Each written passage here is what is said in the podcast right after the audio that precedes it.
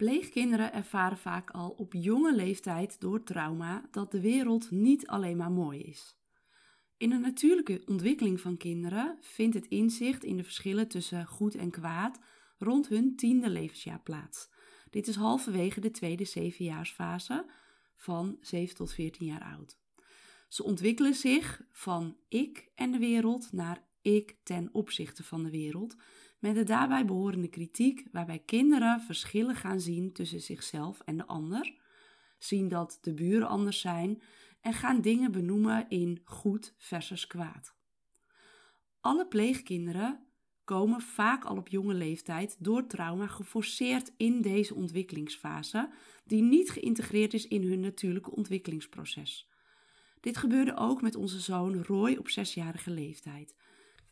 In deze podcastaflevering vertel ik je hoe je de zevenjaarsfase kunt gebruiken als ondergrond, als inzicht, waardoor je vanuit een andere invalshoek ongewenst gedrag vanuit het trauma gaat begrenzen.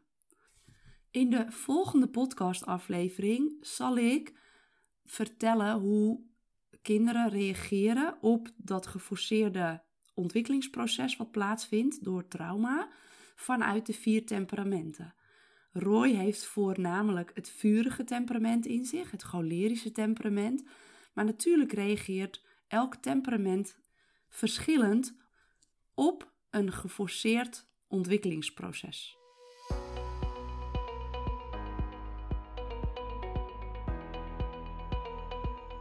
Welkom in weer een nieuwe podcastaflevering. Deze keer wil ik het met je hebben over de vier temperamenten en de zevenjaarsfase in de praktijk. Wat kun je er nou daadwerkelijk mee? En welke inzichten geeft ouders dit? Welke inzichten geeft jou dit, zodat je dit ook kunt overdragen aan pleegouders? In het succestraject is dit ook een belangrijk onderdeel die ik je leer, die ik je meegeef, zodat je het echt kunt vastpakken en kunt gaan inzetten, kunt gaan ontdekken, zodat het ook echt integreert in hoe je naar kinderen kijkt en zodat je het ook echt kunt overdragen aan de pleegouders die je begeleidt, zodat ook zij hierin kunnen groeien en dit kunnen gebruiken als tool om inzichten te krijgen in oké, waar staat dit pleegkind nou eigenlijk en wat heeft het nodig van mij? Nou, in deze aflevering ga ik je meenemen in een voorbeeld van onze zoon Roy, die inmiddels acht jaar is, bijna negen, nog een paar weekjes. En het inzicht in ehm, waar hij zit in zijn ontwikkeling. Want door het trauma wat hij heeft meegemaakt, is zijn ontwikkeling uh, geforceerd. Het heeft geforceerd een sprong gemaakt, waardoor hij gedrag laat zien van een ouder kind. En deels zit het ook in zijn temperament dat hij zich optrekt aan kinderen die ouder zijn. Maar nu doet hij dat op een manier waardoor het net niet lekker loopt. Waardoor, het, ja, waardoor die net niet die aansluiting vindt bij die oudere kindjes. Maar waardoor hij zich ook te groot voelt voor de kindjes van zijn eigen leeftijd. Roy is tweeling. Maar zijn eigen broer staat echt op een heel ander niveau in zijn ontwikkeling. Nou, door die geforceerde groei door trauma heeft geen geïntegreerde groei plaatsgevonden. Waardoor gedrag is ontstaan die niet altijd makkelijk is om mee om te gaan. Het frustreert hem zelf dat dingen niet lukken, maar het is ook moeilijk, uh, wat ik net al zei, dat zijn broers hem niet begrijpen van dezelfde leeftijd maar dat hij ook net die aansluiting niet vindt bij kinderen die ouder zijn. Nou, en dit inzicht betekent niet dat het onmenselijke gedrag wat hij vertoont niet begrensd moet worden, maar het betekent wel dat je een kind gaat begrenzen vanuit begrip voor het gedrag, in plaats van dat je vanuit onwetendheid en eventueel daaruit voortkomende frustratie over het gedrag en de frustratie over het gedrag zelf, waardoor je als opvoeder een onmachtig gevoel krijgt en soms ook buiten jezelf treedt. Dat je ontploft over dingen waar je eigenlijk de liefdevolle ouder wilt zijn. Maar wat niet altijd lukt als je niet begrijpt en daardoor ook de frustratie voelt, de onmacht voelt, als je geen grip krijgt op het gedrag. En geen grip is dan niet helemaal het goede woord, want natuurlijk willen we niet ons kind helemaal controleren. En in sommige gevallen wil je dat misschien wel, maar dat is niet wat ons verder gaat helpen. Maar um, daartegenover staat dat als je het wel snapt, dat een kind dat voelt. En dan kun je even, even goed krachtig begrenzen of een keer, ehm, eh, omdat je emmer vol is, uh, wel met een lichte irritatie begrenzen. Maar een kind voelt wanneer je begrenst vanuit ehm, dat je een kind wel ziet en begrijpt. En dat is de kracht van de vier temperamentenmethode en de zevenjaarsfase. Zonder in te zoomen op trauma. Zonder in te zoomen op eventuele reguliere etiketjes voor probleemgedrag of uh, gedragsstoornissen en de zwaarte die daaromheen hangt. Want ik kan me best voorstellen dat je soms in, ehm, in de begeleiding van je pleeggezinnen vanuit jouw expertschap echt wel ziet dat dit mogelijk ook onder ehm, een, een gedragsstoornis zou kunnen vallen of trauma gerelateerd gedrag. Maar dat brengt een zwaarte met zich mee en het blijft uh, minder uh, minder tastbaar, minder vast te pakken voor ouders die gewoon ouders willen zijn en gewoon als mens willen kijken naar dit kind en daar handvatten voor willen krijgen. En het vraagt, weet je, die, het vraagt dan ook om de reguliere onderzoeken, de malle molen. En, uh, en dat geeft ook niet altijd de oplossingen. Uh, in mijn ogen zijn dat namelijk niet, dekt het niet de lading van het hele probleem. En daar heb ik ook eerder wel een podcast over opgenomen. Dus als je dat uh, interessant vindt, scroll dan vooral terug. Dat is, nou ja, dat was dit jaar. Dus dat is in januari geweest dat die podcast online kwam. Um, dus zonder in te zoomen op trauma of de, de zwaarte die reguliere etiketjes met zich meebrengt. Of mogelijke diagnoses die jij voor je ziet, die je mogelijk ook benoemt. Is dit een methode die toepasbaar is op alle kinderen in het gezin? Roy is ons biologische kind en niet ons pleegkind. Uh, maar ook biologische kinderen uh, lopen deuken op. Wij zelf ook. Dus het is ook toepasbaar op onszelf, waardoor je dus jezelf beter leert kennen. Jij als begeleider, maar ook de ouders, de pleegouders die jij uh, dit eventueel En de kinderen die in dit uh, gezin mogen zijn. En dat leert dus, uh, dat geeft je het inzicht als opvoeder en uh, voor jou als begeleider. Als je inzicht hebt in, oké, maar waar zit ik zelf? Nou ja, de, zevenjaars de zevenjaarsfase zijn wij als volwassenen al voorbij. Hoewel er in de volwassenen ook, het gaat eigenlijk oneindig door, maar daar, daar ga ik hier niet op inzoomen. Uh, maar om naar je eigen temperament te kijken, weet je ook van oké, dit, is, uh, dit is mijn kracht, maar tegelijkertijd ook mijn val, valkuil. Wat vraagt het van mij om het mooiste uit mezelf te halen? Uh, wat vraagt het van mij om het mooiste uit deze pleegouders te halen? En wat vraagt het vervolgens van de pleegouders om het mooiste in het kind naar boven te halen? Want dat is wat we met z'n allen heel graag willen.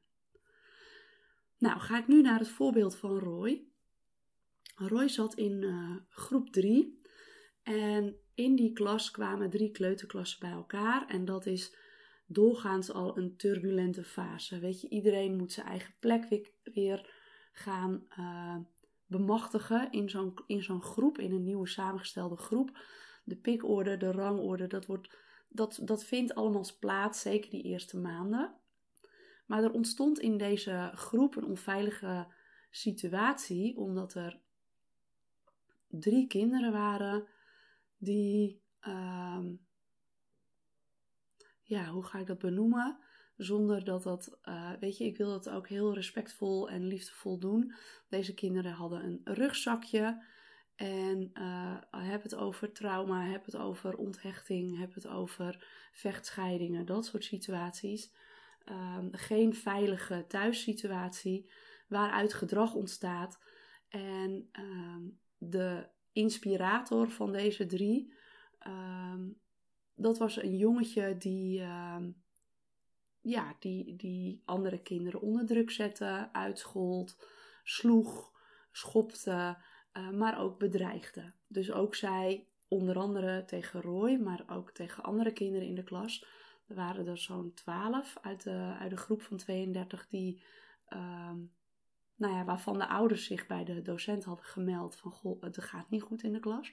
Met mijn kind gaat het niet goed in de klas.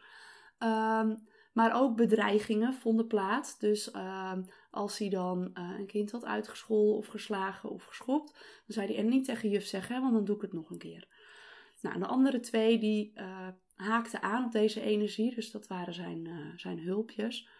En, um, nou, en de school heeft dat te lang uh, niet serieus genomen of niet serieus genoeg genomen, waardoor het uiteindelijk is geëscaleerd, waarin uh, er een situatie ontstond dat er één jongetje nog buiten de klas was, de rest was al in de klas, inclusief de juf.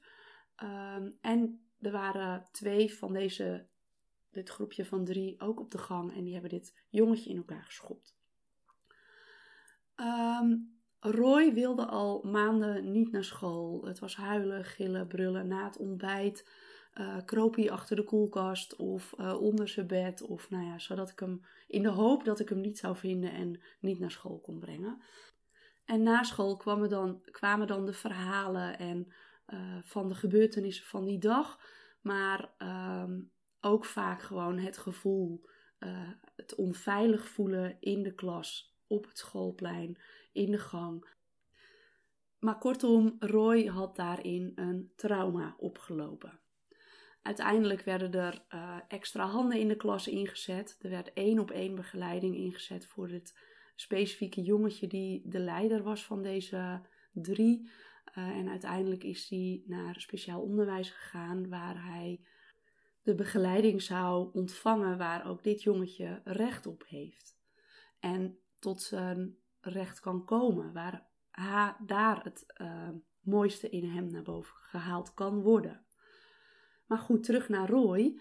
Daar, uh, daar, is, daar is trauma geweest. En daar heeft hij veel last van gehad. Op een gegeven moment was het kerstvakantie. Die, uh, de scholen gingen ook iets eerder dicht. Daar werd, dat was de tweede lockdown.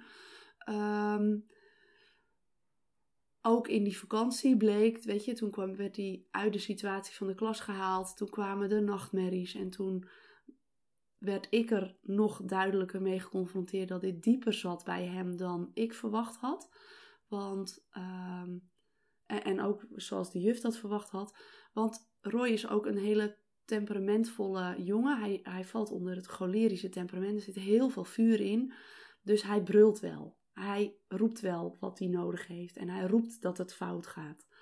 Daarentegen zijn tweelingbroer, die in dezelfde situatie zat, die werd steeds stiller en stiller. Dat is een heel ander temperament uh, die hij als boventoon in zich heeft.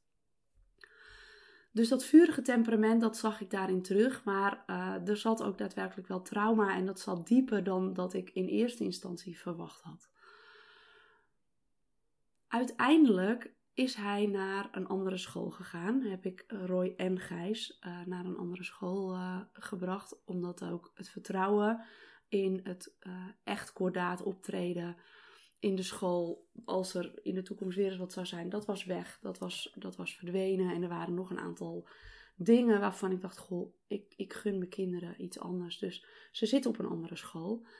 En daarin deed Roy zijn jas uit en hij ging verder. Maar wat ik ook zag, is dat hij meer dan daarvoor optrok aan oudere kinderen. Hij was in zijn ontwikkeling door dat wat hij meegemaakt heeft, ook wel geforceerd in een nieuwe fase aangeland. Maar die was dus niet geïntegreerd zoals ik in de inleiding al aangaf. Nou, de tweede zevenjaarsfase is een fase die ik in de eerdere podcastafleveringen nog niet onder de aandacht heb gebracht. Dus ik ga je een stukje voorlezen zoals ik de tweede zevenjaarsfase in mijn boek Lieve Moeder heb beschreven. Komt-ie. De tweede zevenjaarsfase van 7 tot 14 jaar staat in het teken van schoonheid en schoolrijpheid. Nu komt het inzicht van het kind ten opzichte van de wereld, leert het kind het ik-gevoel ontwikkelen, de individualiteit en het ego. Denk aan het voorleven van ouders in jezelf belangrijk vinden en van jezelf houden. De eerste tanden zijn gewisseld, het antroposofische teken van leerrijpheid. En dan even van mij een noot tussendoor. Dit is dus ook de fase uh, waarin ze dus naar groep 3 gaan en daadwerkelijk gaan aan de slag gaan met meer leren, meer hoofddingen. Uh, leren rekenen, leren schrijven en noem het maar op. Nou, dan weer even terug naar de tekst. De schoonheid wordt zichtbaar in datgene waar het kind zich fijn bij voelt. Het wordt aangeboden in de creatieve vormen waar het kind gebruik van kan maken. De expressie draagt bij aan het vormen van het zelf en het ego. Om jezelf te begrijpen moet je je kunnen uiten. Het uiten van emoties, het benoemen van emoties en het open zijn over je emoties, waarbij de openheid natuurlijk verschilt per kind, per situatie en per temperament. Het benoemen van emoties begint natuurlijk al in de eerste zevenjaarsfase, als een kind in harmonie zichzelf kan zijn, zijn emoties er mogen zijn en ouders er onvoorwaardelijk zijn, dan ervaart het kind de schoonheid in de wereld om hem heen en bloeit de wereld in het kind op. Halverwege deze fase ziet en merkt een kind dat de buren anders zijn en vindt een verschuiving plaats van ik en de wereld naar ik ten opzichte van de wereld met de daarbij behorende kritiek. Nou, die schoonheid van de wereld, daarin had Roy ervaren dat de wereld niet alleen maar ehm, eh, schoon is. Dat het niet alleen maar heel mooi is. Hij had daarin zijn eerste deuk opgelopen. Of in ieder geval, ehm, ja, te benoemen deuk. Want deukjes mm, lopen we allemaal op, maar dit was echt in de vorm van een trauma. Waardoor hij op zijn zesjarige leeftijd al getrokken werd naar de ik-inslag in die tweedejaarsfase, waarin die verschuiving plaatsvindt van ik en de wereld, waarin alles nog mooi is en gelijk, naar ik ten opzichte van de wereld, waarin het goed versus het kwaad is, waarin, nou ja, het voorbeeld dat ik in het uh, boek noem, dat de buren anders zijn, dat ze verschillen gaan zien. Bij de buren is het gras groener of zij doen het anders en dat bestempelen ze als raar. Of bij een vriendje is alles leuk en dus thuis is alles stom. Weet je, dat, het goed en het kwaad, de verschillen, de nuances en de oordelen die we, die we vanuit ons mens zijn daarop op hangen, daar wordt het kind zich bewust van. Maar Roy was zes toen dit gebeurde. En niet halverwege die zevenjaarsfase, wat zo rond de 9 à 10 jaar pas normaal gebeurt. Een vriendje van Roy is een jaar ouder. Roy is op dit moment bijna 9, zijn vriendje is bijna 10 en die zit vanuit zijn natuurlijke groei in die fase van ik ten opzichte van de wereld. De jongens gaan zich wat groter voelen. Die gaan zich optrekken aan de kindjes die nog iets ouder zijn. Waardoor Roy het gevoel heeft van hé, hey, ik raak mijn vriendje kwijt. Er, er vindt een kloof plaats. Dus ondanks dat hij al in die ik-inslag zat sinds zijn zesde, ik ten opzichte van de wereld, is het niet geïntegreerd, waardoor hij niet meer kan aanhaken bij het vriendje die nu vanuit zijn natuurlijke ontwikkeling daar is. Omdat het een geforceerd proces is. En daar komt uh, frustratie en teleurstelling en van alles uit voort. En wat het mij aan inzicht geeft als ouder, al toen hij zes was, dat ik ehm, toen niet zelf zag dat hij die in, ik inslag heeft gedaan, uh, of dat het heeft plaatsgevonden vanuit dat, ja, geforceerd heeft plaatsgevonden vanuit dat trauma wat hij heeft opgelopen. Ik had daar ook mijn teacher in, en dat was in dit geval de IB'er op de, op de school waar dit plaatsvond.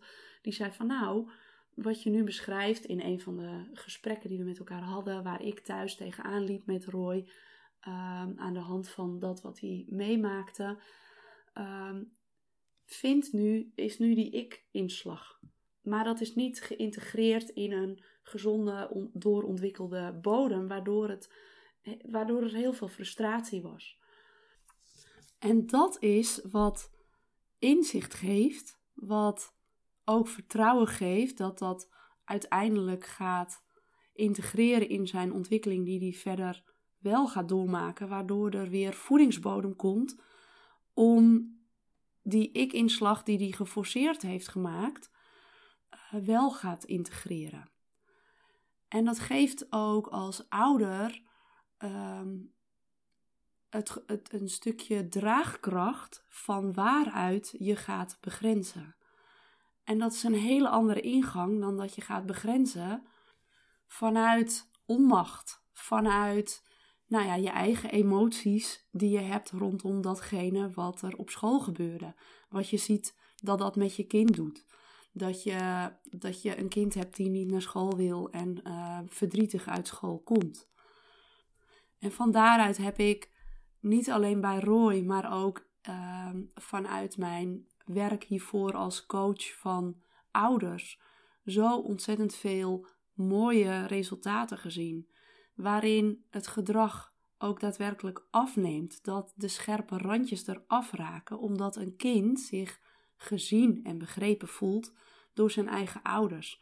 Waardoor je als ouder de veilige thuishaven kunt zijn en blijven, ondanks je eigen emoties rondom, in dit geval, uh, de gebeurtenissen op school. En dat is waar kinderen zo enorm van groeien. Als ze zich gezien en begrepen voelen en weten wat hun veilige plek is. En zeker in het geval van pleegkinderen, waar ik me natuurlijk ook realiseer dat pleegkinderen in zichzelf al een stuk hebben. Nou, um, een pleegzorgbegeleider uh, die zei dat zo mooi. Voor pleegkinderen is er geen altijd. En dat gevoel draagt ze in zich mee. En toch wil je voor deze kinderen, voor al deze pleegkinderen, een veilige plek creëren in een pleeggezin waar ze zich thuis voelen, waar ze zich veilig voelen, waar hun angsten er mogen zijn. De angst van voor mij is er geen altijd. Uh, hoe lang mag ik hier nu weer blijven? Moet ik hier ook weer weg? Maar dat ze ook die veilige thuishaven mogen ervaren in het opgroeien. En dat is de kracht die ik zie in de vier temperamenten methode en in de zevenjaarsfase. En ik blijf het benoemen, het is een simpele tool. En dat wil natuurlijk niet zeggen dat het daarmee ook maar uh, een eenvoudige weg is die daarna volgt. Want natuurlijk is dat een pad met veel hobbels en veel uitdagingen. En wordt het echt niet ineens heel gemakkelijk, het proces wat daarna komt. Maar het geeft je een, uh, een voedingsbodem waarin heel veel positiviteit en vertrouwen zit. En waarin je als ouder ook snel kleine effecten ziet van uh, een net iets andere uh, ingang om kinderen te benaderen. En het is niet een hele grote verandering die het van ouders vraagt. En dat maakt dat het te dragen is en zo krachtig is voor pleegouders. Nou, tot zover mijn monoloog over de vier temperamenten en de zevenjaarsfases. Wat kun je ermee en welke inzichten geeft dit aan jou als pleegzorgbegeleider en welke mogelijkheden biedt dit voor pleegouders? Als je hier vragen of opmerkingen over hebt, voel je welkom. Ik sta ook open voor andere visies. Ik ben dol op het integraal bekijken van uh, het gedrag van kinderen. En ook ik raak hier nooit in uitgeleerd. En ook als je voelt, hier wil ik echt verder mee aan de slag. Sandra, ik wil echt met jou aan de slag. Ik wil in gesprek om te ontdekken wat jij voor mij kunt betekenen. Om te zorgen dat ik ook daadwerkelijk de ruimte voel in mijn werk om dit te gaan integreren. En ik wil dit heel graag van je leren. Stuur me dan een berichtje. Hieronder in de show notes vind je de link naar mijn e-mailadres en naar mijn LinkedIn pagina.